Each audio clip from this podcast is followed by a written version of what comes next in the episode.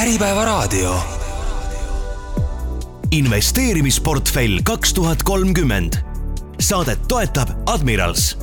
tähelepanu, finantsinstrumentidega kauplemine on kõrge riskitasemega ja ei sobi kõigile investoritele. enne investeerimisotsuste tegemist tutvuge finantsteenuse tingimustega admiralmarkets.com. veenduge, et olete riskidest aru saanud ning vajadusel konsulteerige asjatundjaga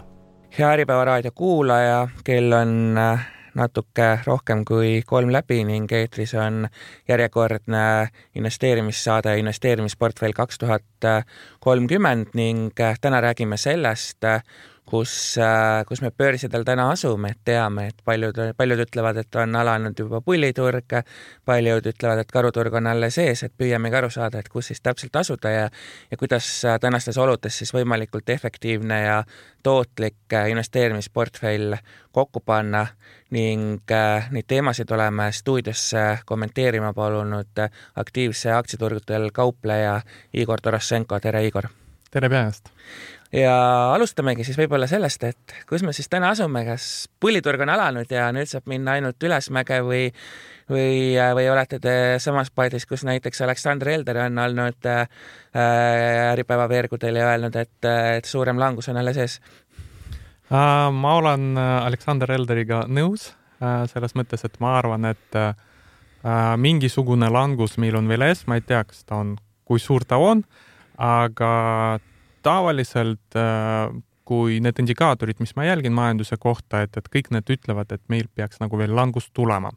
Äh, ja see ralli, mis meil oli, ta on küll nagu olnud rohkem kui kakskümmend protsenti, mis nagu defineerib seda nagu justkui nagu äh, pulliturg, aga samas tasub meeles pidada ka seda, et näiteks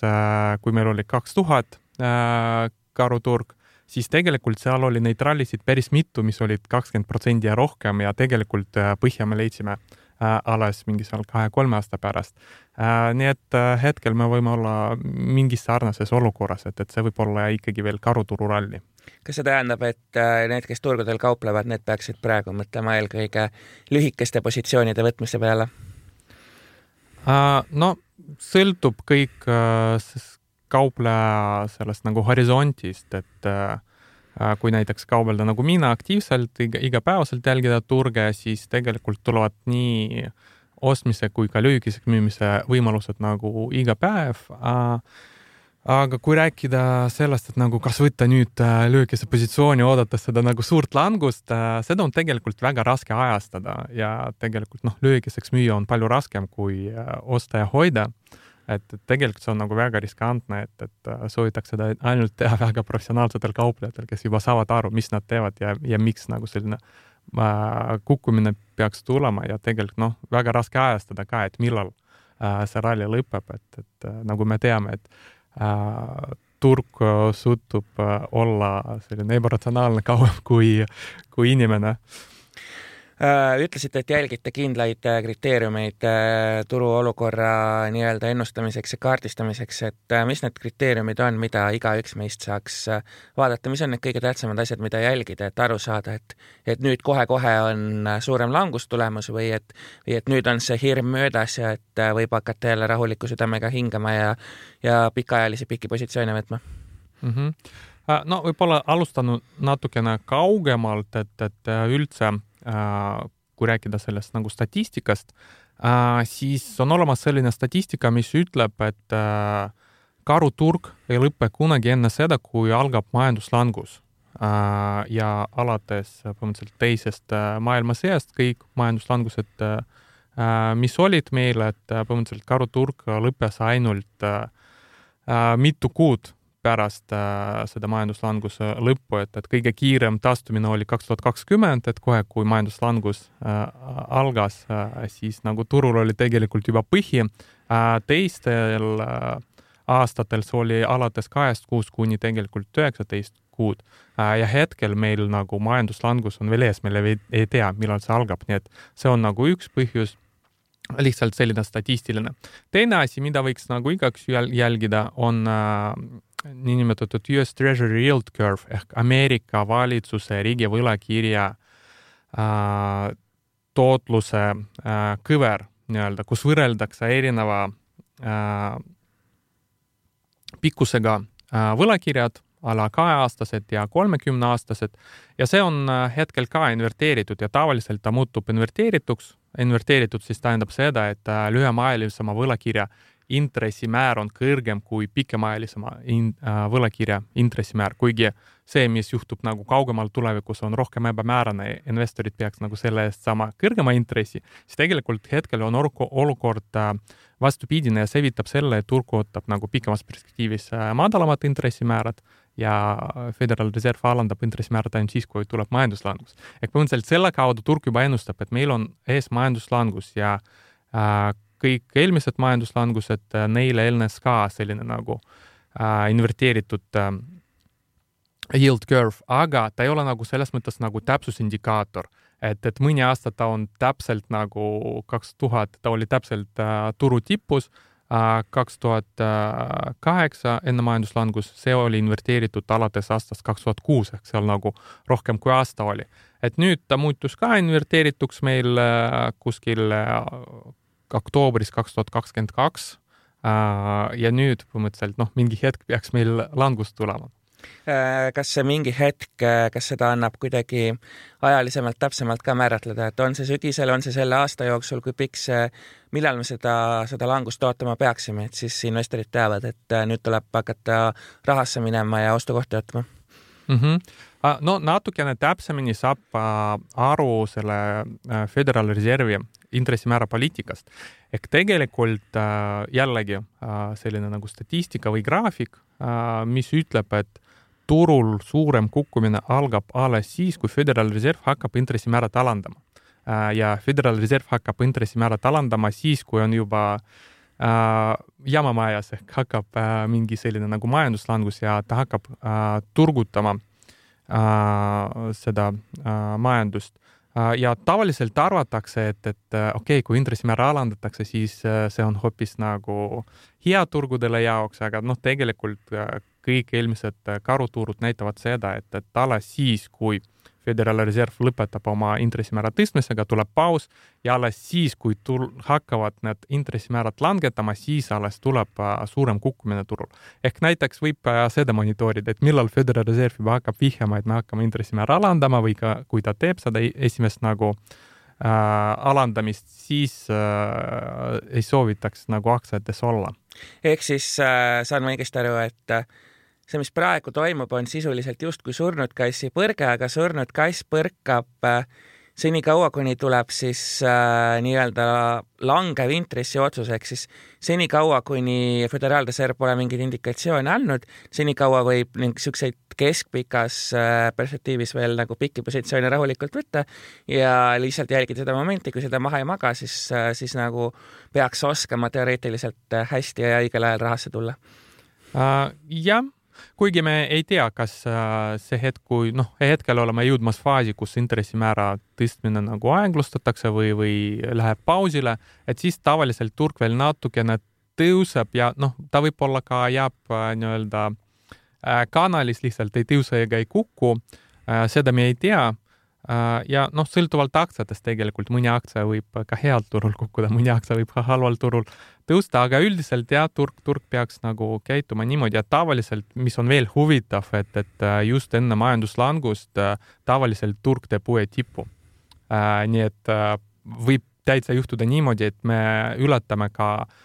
meie eelmised tipud ja siis muidugi kõik harjuvad, et kõik kindlasti nüüd oleme äh, pulliturul ja siis tuleb selline nagu suurem langus, millest äh, ma olen rääkinud. Äh, selle juures on väga huvitav ka see, et kui madalale me langeme, et kas madalamale kui see eelmine põhi, mida me nägime või, või, või sellega võrdsele tasemele või, või kuidas teie seda näete? ja vot seda on kõik väga raske ennustada, sest kõik sõltub sellest, kust me hakkame kukkuma, et kui kõrge, kui kõrgele see ralli, mis meil hetkel on,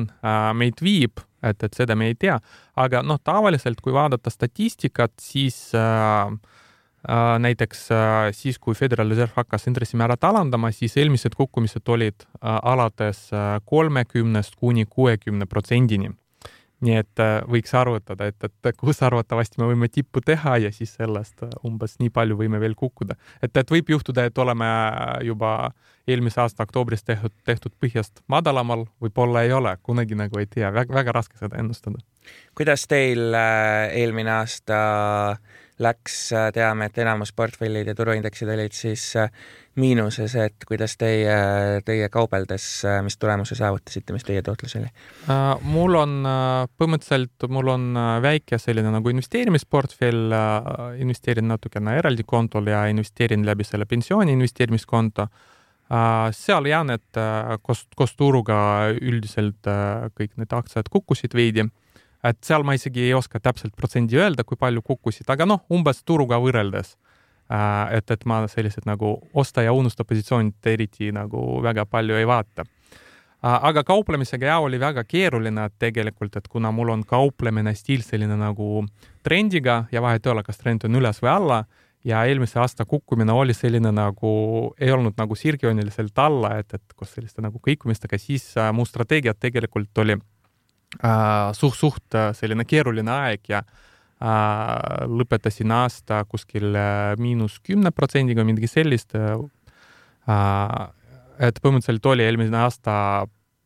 eesmärk säilitada kapitaali järgmiseks pullituruks. kui nüüd kuulaja mõtleb, et kuidas, kui ta tahab praegu alustada ja mõtleb, et kuidas seda portfelli nii-öelda üles ehitada, et et mis need osakaalud peaks olema, kui ta tahab nii kaubelda kui pikaajaliselt investeerida, et kui suur osa tema portfellist võiks olla pikaajaliselt investeeritud ja ja kui palju siis võiks jätta kauplemiseks, kauplemiseks raha ja kuidas teie selle oma portfellis nii-öelda tasakaalu leidnud olete või jaotanud? Äh, no siin on väga raske soovitus anda, anda, sest see on väga selline nagu individuaalne, sõltub äh, inimese vaba raha hulgast, eesmärkidest ja nii edasi, nii edasi, et noh, kuna ma olen aktiivne kaupleja, siis mul ongi kuskil üheksakümmend protsenti minu kapitalist on äh, tegelikult kauplemises äh, ja investeerimises äh, on ainult kümme protsenti äh,, selline nagu väike osakaal äh,. ja Äh, noh, siis ma arvangi, et, et kui inimene rohkem nagu jälgib ja saab aru turgudelt, siis ta võib äh, mingi osa, äh, mingi osaga kapitaliga ka kaubelda. kui aga lihtsalt eesmärk on nagu investeerida, siis noh, tegelikult lihtsalt ostad aktsiad ja kõige parem on üldse nagu regulaarselt lihtsalt neid osta sõltumata sellest, kas meil on turul hea aeg või halb aeg ja läbi selle oma investeerimisportfelli üles ehitada kas ähm, see tees on õige, et äh, kui on turgudel üldiselt halb aeg, et siis kauplejatel on hea aeg justkui, et äh, kui volatiilsus on suurem, siis teie näete seal võimalusi, suuta, suudate kõike seda ära kasutada? Äh, ja näiteks minu kauplemisstiili jaoks ongi oluline, et, et oleks mingisugune trend, et näiteks kaks tuhat kakskümmend, kui oli selline nagu äh, Äh, väga suur kukkumine, siis oli minu jaoks selline nagu kuldne aeg, et äh, võtad positsiooni, siis äh, nädala pärast saad juba väga suure kasumi. et sõltub jah, kauplemisstiilist, et, et need, kes on sellised nagu trendikauplejad, neile see trend ongi nagu sõber ja vahet ei ole, mis suunas, üles või alla on olemas kauplejad, kes kauplevad näiteks vahemikud, et siis neil vastupidi, et, et kui sul on suurem liikumine mingis suunas, siis neile see ei sobi, siis nad vastupidi Äh, vae, vahemikus teenivad. et no nagu öeldakse, et turul alati pullid äh, või karud teenivad raha ja ülejäänud äh, seal oli mingi sinna kaotavad. no teame näiteks seda, nagu te ka mainisite, et lühikeseks müües on äh, lühikeseks müümine on väga riskantne ja et äh, tegelikult seal on, seal on siis äh, risk raha kaotada sisuliselt piiramatu, et kuidas teie näiteks äh, ennast kaitsete selliste asjade eest, et et te oma portfelli õhku ei laseks, kas te võtate ka mingeid optsioonistrateegiaid lisaks, millised on need kõige lihtsamad või ka keerulisemad viisid, kuidas enda, enda nii-öelda risk kinni panna? no ma üritan enda kauplemist väga lihtsaks teha ja ma äh, lihtsalt läbi aktsia müün lühikeseks, et, et äh, lihtsalt ma üritan vältida kõikvõimalikud riskid juba enne, kui ma võtan positsiooni, näiteks ma vaatan, mis on selle, selle aktsia short flow'd, short ratio, need näitajad, kui palju seda on lühikeseks müünud, kas seal on potentsiaali short squeeze'iks, siis vaatad firma käibet, et ilmselt kui on mingi väike firma ja seal võib mingi uudis tulla, ta võib äh, aktsiahinda tõsta sada protsenti, siis väga riskantne, siis seda ma ei lähe short ima, et ma pigem lähen short ima mingi Google'i, Apple'i, mingid sellised nagu suuremad firmad, kes koos turuga kukuvad äh,. aga samas seal ei ole nagu seda võimalust, et vastu su positsiooni läheb pluss kakskümmend protsenti või pluss viiskümmend protsenti. ja kindlasti kasutan ka stoppi äh,. panen kohe, kui võtan positsiooni, panen kohe ka stoppi, et, et oleks nagu äh, positsioon, kahjum kohe nagu piiratud ja positsioon kaitstud. Äh, lühikeseks äh, müües ütlesite, et äh, müüte suuremaid ettevõtteid, teame siin, et siin, ma ei tea, Microsoftid ja ja muud tehistaibuga seotud tehnoloogia aktsiad on viimasel ajal hüppeliselt tõusnud ja rallinud, kas neid peaks pikas positsioonis täna juurde ostma või siis lühikeseks müüma, head suured ettevõtted justkui, mida müüa lühikeseks tänaselt hinnatasemel? Ja sellises nagu lühikeses horisondis nad on küll juba väga üle ostetud, et näiteks mul hetkel ongi Nvidias näiteks lühikene positsioon, ma just hiljuti võtsin ja ta on juba plussis, aga see on väga lühiajaline, sest tegelikult sellised nagu trendid, nad ei lõpe äh, nii kiiresti, et Nvidia võib veel tõusta äh, ja teised aktsiad ka, kunagi ei tea, palju see selline nagu haip äh, kestab. Aga noh, sellised nagu kunagi ta saab läbi ja kunagi aktsiad äh, lähevad tagasi oma õiglase väärtuse juurde et, et me mäletame neid buumi hästi palju, et just hiljuti oli, juba kõik unustasid, aga oli metaverse meil äh,. enne seda oli meil 3D printimine äh,. kaks tuhat seitse, kaks tuhat kaheksa, ma mäletan, päikesepaneelid olid nagu juba tulevikuenergia ja noh äh,, tavaliselt ongi selline nagu äh, tekib mingi uus tehnoloogia, siis tekib suurem haip Äh, ostetakse üles kõik aktsiad, mis on sellega seotud. Ja reaalne tehnoloogia rakendamine meie elusse võtab nagu aastakümneid tavaliselt ja alles siis tulevad välja need firmad, kes tegelikult oskavad seda tehnoloogiaga äh, raha teenida äh, stabiilselt, kes nagu ongi sellise nagu tehnoloogia võitjad lõppkokkuvõttes. Äh, ma mäletan, kuskil lugesin ka, et, et äh, siis, kui tulid välja need äh, notebook'id, esimesed, siis oli mingi firma, kes oli esimene nagu selle notebook'i leiutaja, aga ostes tema aktsiad, siis sa poleks teeninud midagi, ta läks pankrotti. ja võitjad olid nagu teised firmad, Hewlett Packard, Compaq ja nii edasi et äh, noh, täitsa võib praegu olla ka, et esimesed kiibid võib-olla ongi Nvidia omad, aga kes teab, kuidas see areneb ja võib-olla tuleb mingi teine kiibitootja, kes pakub mingi paremat kiibit ai jaoks ja siis äh, Nvidiast kõik unustatakse nagu Nokiast, kunagi ei tea. ütlesite, et äh, aktsiatel on hiljem või varem komme pöörduda tagasi oma õiglase väärtuse juurde, kas kas see tähendab, et Nvidia, Microsoft, ma ei tea, Tesla Äh, Apple, äh, mis iganes te suured tehnoloogiahiiud, et nad täna ei ole oma õiglase väärtuse juures, et on siis teie hinnangul ülehinnatud? Äh, sõltub aktsiast jällegi, et, et Nvidia kindlasti väga ülehinnatud hetkel. teised ma ei ole ammu analüüsinud. aga noh, hetkel võib-olla arvestades lihtsalt seda, et, et meil on majanduslangus ees, et, et arvestades seda,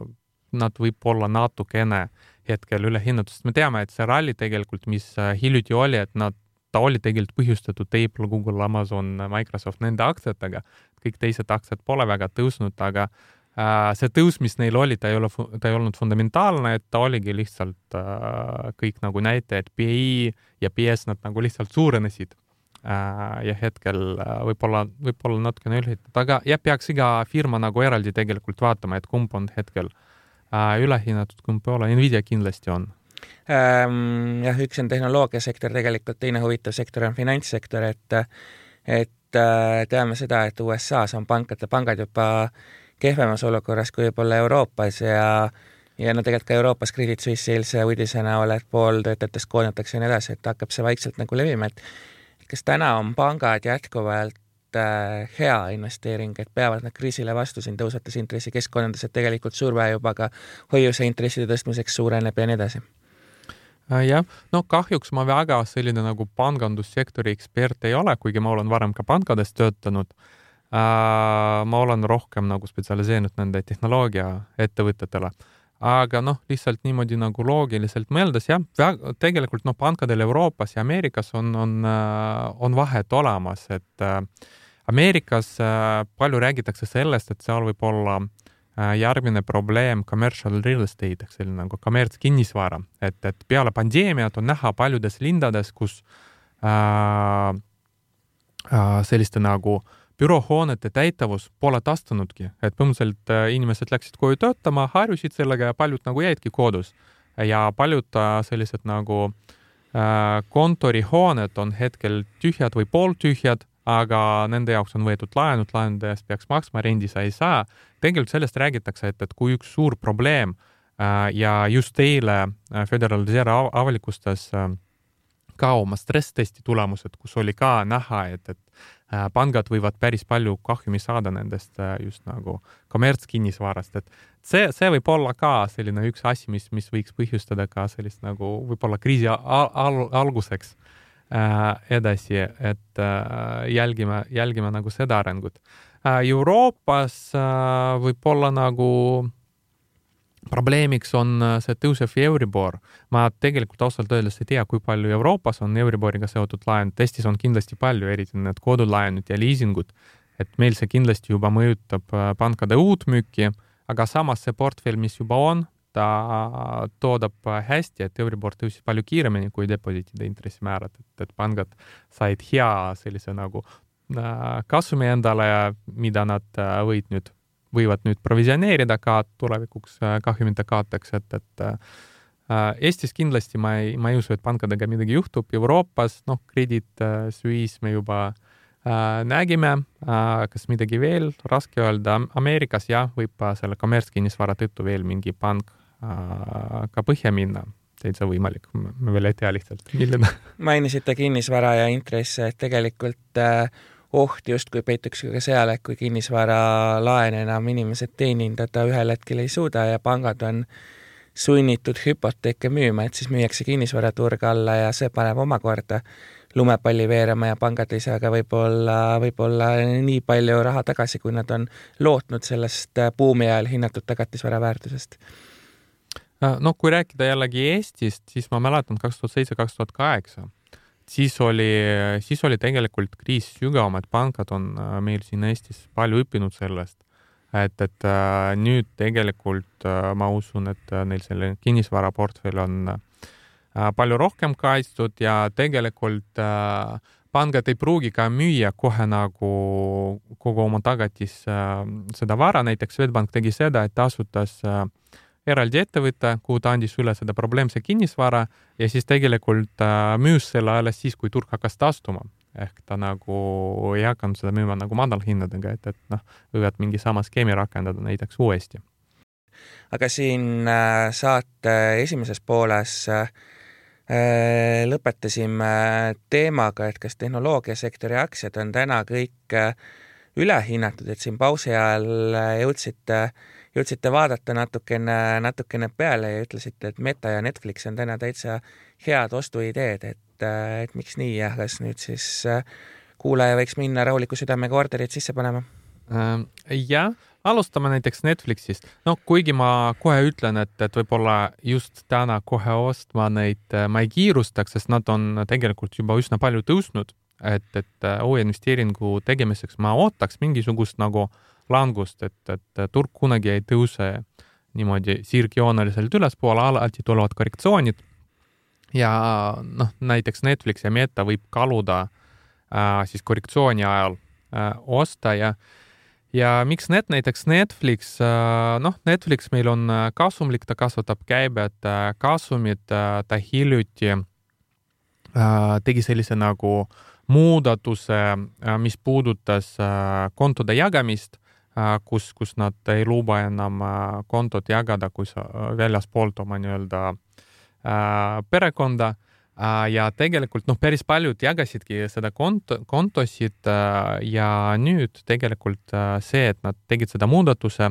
nad juba andsid teada, et neil kontode arv hakkas kasvama uuesti. ja lisaks nad pakkus, pakuvad nüüd ka sellise nagu odavama võimaluse liituda Netflixiga, kus on ka reklaam olemas et põhimõtteliselt saavad ka reklaamist äh, lisaks tellida äh,, teenida. nii et see tundub olevat nagu päris selline hea kasvulugu pika, pikaajaliselt ka, et, et äh, hetkel äh, peer ratio on tegelikult noh, võrreldes ajalooga ta on päris okei okay,, kuigi äh, ta on kõrge, nelikümmend kuus, aga arvestades, et, et äh, Netflix veel kasvab, see võib olla täitsa okei okay. ja nagu ma mainisin, et kui osta seda veel korrektsiooni ajal, mitte nagu kohe praegu, siis siis võib olla täitsa hea selline nagu pikaajaline investeering. ja kui ma räägin nagu pikaajaline, siis see on umbes nagu viis-kümme aastat äh,. sel juhul, kui viis-kümme aastat, et siis tegelikult võib-olla võikski Netflixi ja ja metasse investeerides oodata ära sellesama äh, intresside määrade langetuse, sellest tuleneva uue karuturu ja siis panna kõik oma positsioonid sinna. Äh, see oleks selline nagu ideaalne, ideaalne äh, plaan äh,. ainuke, mis on vaja selleks, et kannatust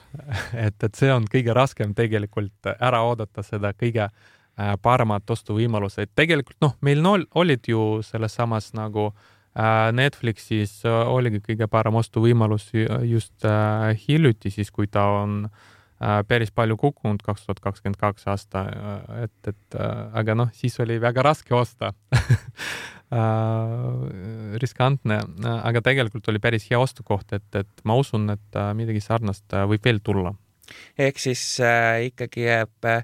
ridade vahelt kõlama, et cash is the king right now Äh, no jällegi, et sõltub äh, sellest nagu perspektiivist, et kui me räägime niimoodi, et äh, sa tahad osta hea hinnaga ja siis hoida kümme aastat, siis võib-olla tasub ära oodata seda nagu suuremat langust, mida ma justkui nagu ennustan. samas jällegi, kui investeerid igakuiselt, no siis vahet ei ole, siis hakka kasvõi kohe ostma väikse summadega, et siis ostad nii hea hindadega kui ka natukene kõrgema hindadega Äh, ja nii edasi. Äh, kui on aga sa nagu jälgid turge nagu tihedamini, no kasvõi korda nädalas vaatad, et siis sa tegelikult äh, võid seda osta mingi kolmeks kuuks või kuueks kuuks, et nagu ma mainisin, et turg võib teha ka täitsa uue tipu, enne kui ta hakkab langema. et, et siis niimoodi lühiajaliselt võib veel sellega ka niimoodi teenida, kui teha sellist lühimaajalisemat investeeringut Äh, kauplemisest äh, või nii-öelda selle anatoomiast veel natuke rääkides, et milline näeb välja ühe kaupleja argipäev? ma äh, saan aru, et kauplete USA turgudel, ehk siis teie jaoks algab tööpäev seal nelja-viie ajal? jah, umbes kell neli teen juba arvuti lahti, hakkan vaatama, uudiseid lugema, et, et mis mul enne turu avamist hakkab seal toimuma. ja tegelikult siis mul on üles ehitatud tööpäev niimoodi, et Äh, ma jälgin, mul on kõige väiksema intervalliga nii-öelda tunnine graafik, ehk seal midagi oluliselt muutub äh, iga tunni pärast, et ma umbes üks-kaks korda tunnis äh, vaatan oma äh, graafikut üle, avatud positsioonid või need äh, positsioonid, mis ma tahan avada, siis teen mingi otsuse ja siis on äh, selline nagu vabam aeg, kus ma saan lugeda uudiseid, raamatut või, või lihtsalt nagu niimoodi pealt jälgida. ja tegelikult nagu suurem ettevalmistus käib ka pühapäeviti enne seda nädala algust, et ma tavaliselt pühapäeval ka kaks-kolm tundi äh, valmistan nädalaks ette, et siis nädala sees tegelikult on natukene vähem tööd. saan aru, et äh, teie hoiate ikkagi keskpikki positsioone ehk siis äh, swing trade ite, et et miks, miks see swing imine parem on kauplemis, parem kauplemisstrateegia on, kui, kui igapäevaselt positsioone avada ja sulgeda no see on just minu jaoks, tegelikult kauplemine on, ongi väga individuaalne, et, et äh, kõigil kauplejal on äh, olemas nii-öelda nagu neli M-i, mida nad peaks jälgima, see on siis mind, money äh,, management äh, ja neljas meetod äh, ja põhimõtteliselt, aga need võivad igal äh, kauplejal äh, erineda. Ja tasubki leida nagu enda jaoks see, mis on nagu äh, kaupleja jaoks mugav. ja ma näiteks leidsingi enda jaoks, et mul ongi mugav niimoodi töötada, kus mul on nagu kord äh, tunnis on selline nagu tunnine graafik kõige lühemaajalisem. kord tunnis vaatan seal natukene, mul ei ole vaja nagu kiirustada, võib-olla nagu päevakauplejal väga kiiresti reageerida, et mul on natukene aega äh, mõelda, analüüsida äh,. ja kuidagi jah, ma tunnen ennast nagu väga kindlalt just nagu sellises nagu ajavahemikus et äh, kui alustasin, siis ma proovisin erinevad äh, võtted, proovisin ka päeva sees, nii edasi, nii edasi, et kuni ma leidsin selle, mis just nagu mulle kõige rohkem sobib.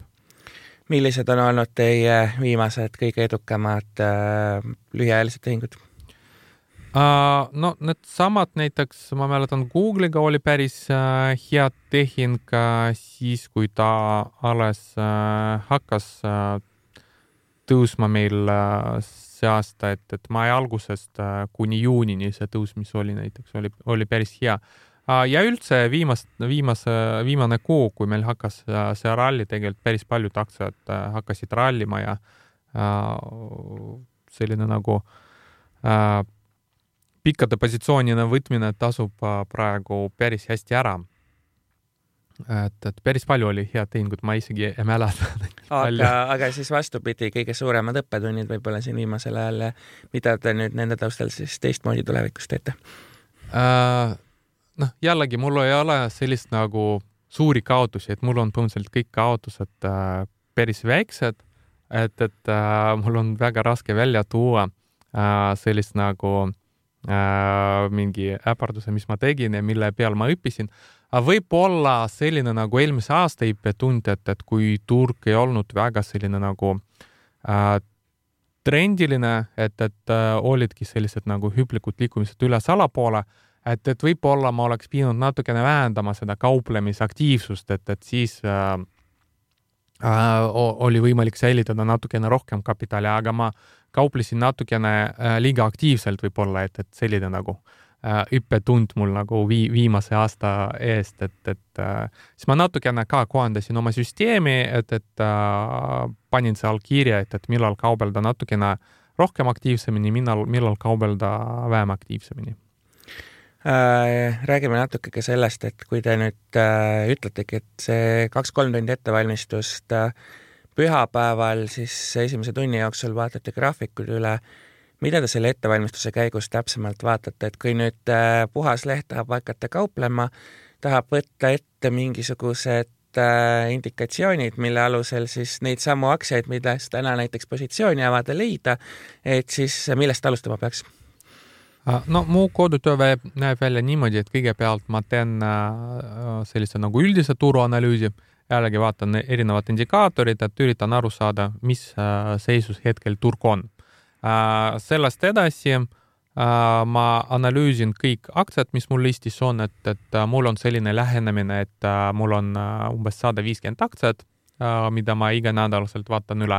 ja nendest ma valin põhimõtteliselt need, mis mulle tunduvad atraktiivsed käesolevaks nädalaks ehk tegelikult nädala jooksul ma ei pea jälgima kõik sada viiskümmend aktsiat, sest mul jääb mingisugune kakskümmend, kolmkümmend, nelikümmend aktsiat. Äh, ja siis nädala jooksul mõned neist ka äh, ei toimi nii, nagu ma ootasin, et lähevad põhimõtteliselt listist välja ja siis äh, jääbki mingi väiksem hulk aktsiat, millele sa nagu pöörad just äh, tähelepanu selle nädala jooksul ja siis äh, äh, otsid äh, seal neid äh, sisenemisvõimalused äh,. kui kaua võtab äh, aega, et kauplemises edukaks saada, kui palju peab õppima, kui ühesõnaga, et äh, kui, kui kuulajal on eesmärk, et äh, ta sooviks palgatöö vahetada kauplemise vastu, siis kui kaua ta peab enne harjutama selleks, et päriselt ka kauplemisest ära elada? no kuna me räägime väga sellisest nagu konkurentsivõimelisest valdkonnast Äh, siis äh, seda võib võrrelda ka teiste selliste valdkonnaga, näiteks kirurgid või ma ei tea, lennukipiloodid. Äh, ja siis tavaliselt inimesed saavad aru, okei okay,, et kui ma pean hakkama saama lennukipiloodiks, siis ma pean nagu päris palju õppima.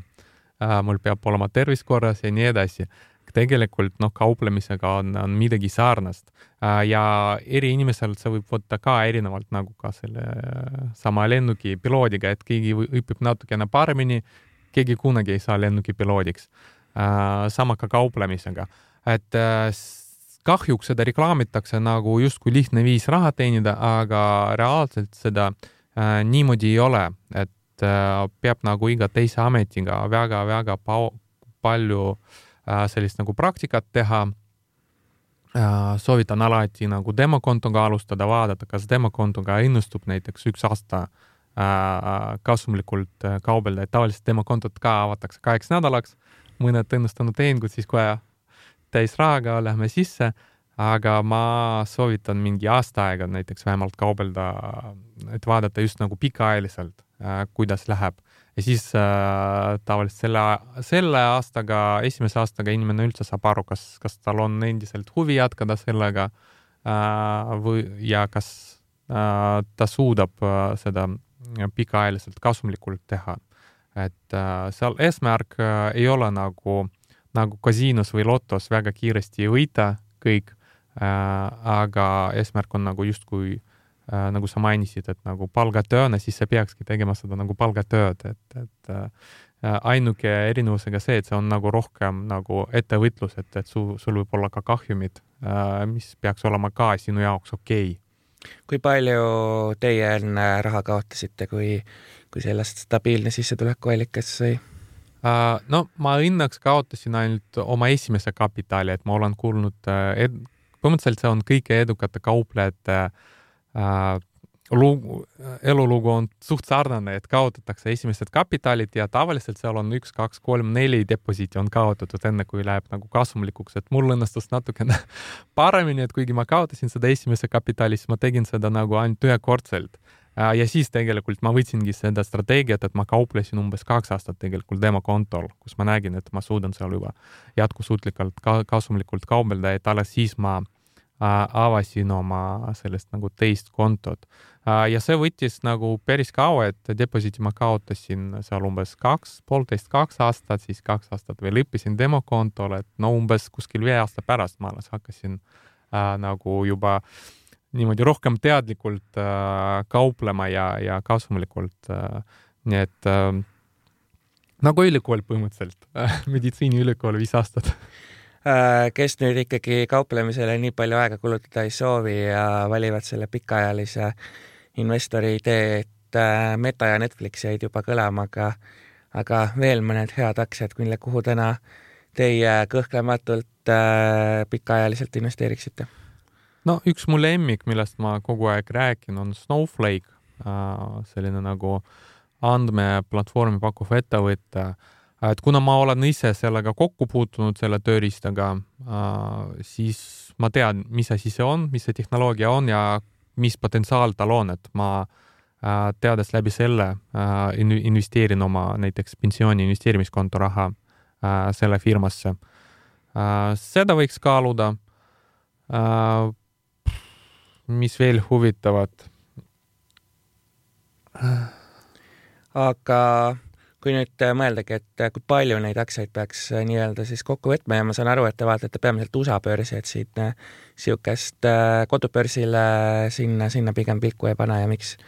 no mulle rohkem meeldib, et Ameerikas on meil rohkem likviidsust, et meil siin Eestis börsil mõned aktsiad, kus päeval kau-, käivet ei olegi, et suht raske nagu sisse minna, välja minna. no võib ka investeerida näiteks, kui, kui usud äh, edasise Eesti kasvulugu, siis tegelikult noh, pangad võidavad kindlasti sellest majandusest äh,, siis näiteks LHV ja Coop Pank on meil päris äh, okei okay pangad, mis äh, börsil kauplevad ja hinnad läksid sellest nagu hullumeelsest tõusust, mis, mis ennem oli ka natukene mõistlikumale tasemele. Aga jah, ma vaatan rohkem Ameerikat, sest seal on rohkem likviidsust äh,, rohkem valikut, palju rohkem selliseid nagu kasvulugusid Äh, mis mulle just nagu äh, meeldib. finants ja tehnoloogia on sektoritena siit läbi käinud, kas äh, veel mõned sektorid, mis võiks, võiks nii-öelda huvitavad hetkel tunduda, ma ei tea, näiteks koroonapandeemiast taastub turismisektor või midagi muud? No ma pigem vaatan sellist nagu ikkagi tehnoloogiasektorist ja mul on näiteks äh, äh, kaks sellist nagu võib-olla sektori soovitus, näiteks mulle väga meeldib selline nagu pooljuhtumite sektor, et äh, nagu me teame, meil on nüüd kiibid juba igal pool, et äh, isegi külmikus on juba kiibid äh,, käekeeles on kiip äh,, telefonis on äh, nii mitu kiibi, et protsessor, graafikaprotsessor, Bluetooth äh,, NFC ja nii edasi äh,. Põhimõtteliselt tulevikus äh, kiipide tootmine ja kasutamine aina kasvab et see on kindlasti valdkond, kuhu investeerida ja seal on tegelikult äh, üsna selline nagu raske äh, töömahukas valdkond ja sinna nii lihtsalt äh, raske siseneda ja seal on juba, on olemas sellised nagu suured mängijad, kes kindlasti võidavad sellest buumist, näiteks Intel, TSMC, Nvidia, AMD. On olemas lausa mingid monopoolid nagu ASML, kes toodab selle pooljuhtmete kiibide tootmiseks Äh, need seadmed. on olemas kaks firmat äh, maailmas, kes toodavad tarkvarakiibide disainimiseks, Synopsys ja Cadence Design Systems, ka neil on selline nagu mitte monopooli, vaid duopooli põhimõtteliselt olemas, et, et selliseid nagu päris palju huvitavaid investeerimisideid sellest valdkonnast. ja siis on olemas ka kindlasti küberturvalisus, et meil jällegi aina rohkem asju internetis, küberturvalisus väga oluline seal ja seal on ka päris palju selliseid huvitavaid ettevõtteid, näiteks CrowdStrike, Palo Alto Networks, Fortinet, Zscaler, Checkpoint, Qualys, Cloudflare, sellised ettevõtted. tõstin teie peal ka mõnda ideed, et äh, keskpangad ostavad siin viimasel ajal varasemast rohkem kulda kokku, Äripäev kirjutas ka täna sellest, kuidas, kuidas kuld justkui võiks hakata võlakirju asendama vähemalt siis kullaentusiastide meelest, et kuidas teie näete, kas kuld on täna hea investeering?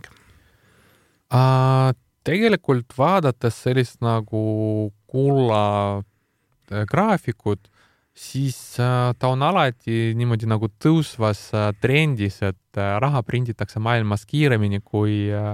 kuula kaevandakse välja. seega see on nagu selles mõttes nagu täitsa loogiline, et kulla hind äh, pikaajalises perspektiivis äh, tõuseb. Äh, nii et, aga ta ei ole nagu selles mõttes nagu nagu võrreldes kasvuettevõttega, et mulle rohkem näiteks meeldib investeerida kasvuettevõttesse. kuld on pigem rohkem selline nagu väärtuse säilitaja. et, et kui on soov lihtsalt nagu oma raha inflatsioonist kaitsta, siis kuld võib olla üks investeering, ainuke, et noh, seda on raske nagu investeerida kullasse, kulda, sest äh, füüsilist kulda hoida äh, riskantne, investeerides mingi ETF-idesse, kunagi ei tea, kas neil see kuld üldse on äh, kas kuld on parem kui näiteks võlakirjad, et teame, et tõusvate intresside keskkonnas võlakirjade väärtus võib hakata langema ja riikide, riigi võlakirjade puhul riikide maksevõime äh, Äh, muutub halvemaks tänu sellele, et intressikulud on suuremad ja nii edasi ja nii edasi, et et, et kui nüüd vaadata, et varasemalt on keskpangad väga palju võlakirjadele toetanud, et kas see on jätkuvalt täna hea idee mm,? no raske öelda, jällegi ma ei ole nagu ekspert just nagu selles valdkonnas, et, et siis siin võib-olla ma jään äh, vastuse isegi võlgu, et jällegi sõltub äh, investorist, et noh, võlakirjal on see pluss, et ta maksab äh, ka intressi, et kuld ei maksa midagi sa lihtsalt hoiad seda, lootes, et ta tõuseb, et äh, võlakirjaga enne, kui mingi firma läheb pankrotti, võib-olla ta jõuab sulle juba viiskümmend protsenti võlakirja väärtusest intressi maksta, et siis sa ei kaota tegelikult nagu kõik raha. Äh, nii et jällegi sõltub investorist võib-olla kauplemise juurde tagasi tulles, et äh, tegelikult üks asi, millega nii kauplemisel kui investeerimisel alati tuleb arvestada, on maksukulu, kuidas teie nii-öelda äh, makse handle ite selles mõttes, et kas te mm, kauplete ettevõtte kontoga, investeerimiskontoga, on mingisugune kolmas lahendus, mis see kõige mõistlikum äh, viis seda teha on ja milline platvorm selleks kõige paremini sobib? no mul on kõik, kõik võimalused tehtud, et mul on olemas nii pensiooni investeerimiskonto, eraisiku tavaline investeerimiskonto ja mul on äh, tehtud ka äh, firma kaudu konto, kus ma tegelikult nagu kauplen Äh, et äh, meil on noh, Eestis suht hea süsteem, et ettevõtte alt sa ei pea nagu põhimõtteliselt äh, maksud maksma enne, kui sa kasumi välja võtad, sama ka investeerimiskontoga päris hästi tehtud, et lihtsalt ettevõttega seal on nagu rohkem in instrumenti, mida võib, mida näiteks investeerimiskontol eraisikuna ei, ei või nagu omada. nii et sõltuvalt, et, et kui lihtsalt äh, jällegi regulaarselt investeerid, siis piisab ka investeerimiskontost, et kui sa lihtsalt investeerid aktsiatesse, võlakirjadesse. kui äh, tegeled kauplemisega ja sul on näiteks äh, seal keerulisemad instrumendid kasutuses, äh, siis pigem jah, läbi selle firma teha ja siis aga firma kaudu ikkagi, mis, mis platvorm see täna kõige mõistlikum on? platvorm, mina kasutan Interactive Brokersi platvormi, et väga selline tundub Äh, hea platvorm, äh, kauplejale tundub äh, väga selline nagu keeruline alguses võib-olla, aga kui harjuda sellega ja just tehnilisele inimesele nagu mina, siis tegelikult seal on päris palju seadistusi ja saab nagu enda jaoks väga hästi seadistada. see on nagu ettevõte, mis kaupleb börsil, väga turvaline, läbipaistev. Neil on tegelikult kontorid ka, mingid arenduskontorid Eestis olemas ja neil on kõige madalamad tehingutasud, mis on väga oluline, sest tegelikult tehingutasu äh, Äh, sõltumata sellest, kas sul tehing on plussis või miinused, sa maksad alati ära, et, et siis on vahe, et kas sa maksad äh, tehingu sisenemise, väljumise eest kakskümmend dollarit või kaks dollarit. Äh, tehes sada tehingut, see on juba väga arvestatav erinevus ja konto avamise pärast muretsema ei pea või kuidas sellega oli, kui kiiresti teil see protsess läks? ja no kuna ma avasin kontot hästi ammu, siis ma isegi ei mäleta, aga mingit probleemi ei ole. ma mäletan jah, et oli väga kiire kõik, et ainuke, et noh, tänapäeval küsitakse väga palju paberit just selle nagu know your, know your customer tõttu ja rahapesu tõttu, et äh, küsitakse aina rohkem igasuguseid äh, pabereid. aga kui kõik dokumendid on olemas, siis tegelikult probleemi avamisega tekkida ei tohi. ja viimaks äh, saadet kokkuvõttev küsimus, kui nüüd püüda öelda või kaardistada täna üks kõige parem investeerimisidee või strateegia, mille, mille iga kuulaja võiks kaasa võtta, siis mis see oleks teie jaoks, mida täna kindlasti järgida? no investeerimisega kindlasti äh, kõige parem osta lihtsalt äh, regulaarselt äh, oma sisetulekust aktsiad ja osta mitte sellised nagu lotopileti aktsiad, et nagu ma ei tea Virgin Galactic, et kus kunagi mingi äh, äriidee hakkab toimima, hetkel äh, põletakse raha, vaid osta sellised nagu ettevõtted, mis on nagu stabiilsemad, kasumlikud või äh, just nende ettevõtete toodet, mis äh, inimene ise kasutab ja teab, kuidas see firma nagu raha teenib, et investeerimine on, ongi selline nagu mitte saa kiiresti rikkaks skeem, vaid see ongi tegelikult pigem selline nagu aastate jooksul raha kogunemine ja suurendamine selge pilt, suur aitäh tänasele intervjuu eest, kaupleja Igor Tarasenko, selline sai selle kuu investeerimisportfell kaks tuhat kolmkümmend, saadet juhtis Indrek Mäe ning saade on eetris taas kuu aja pärast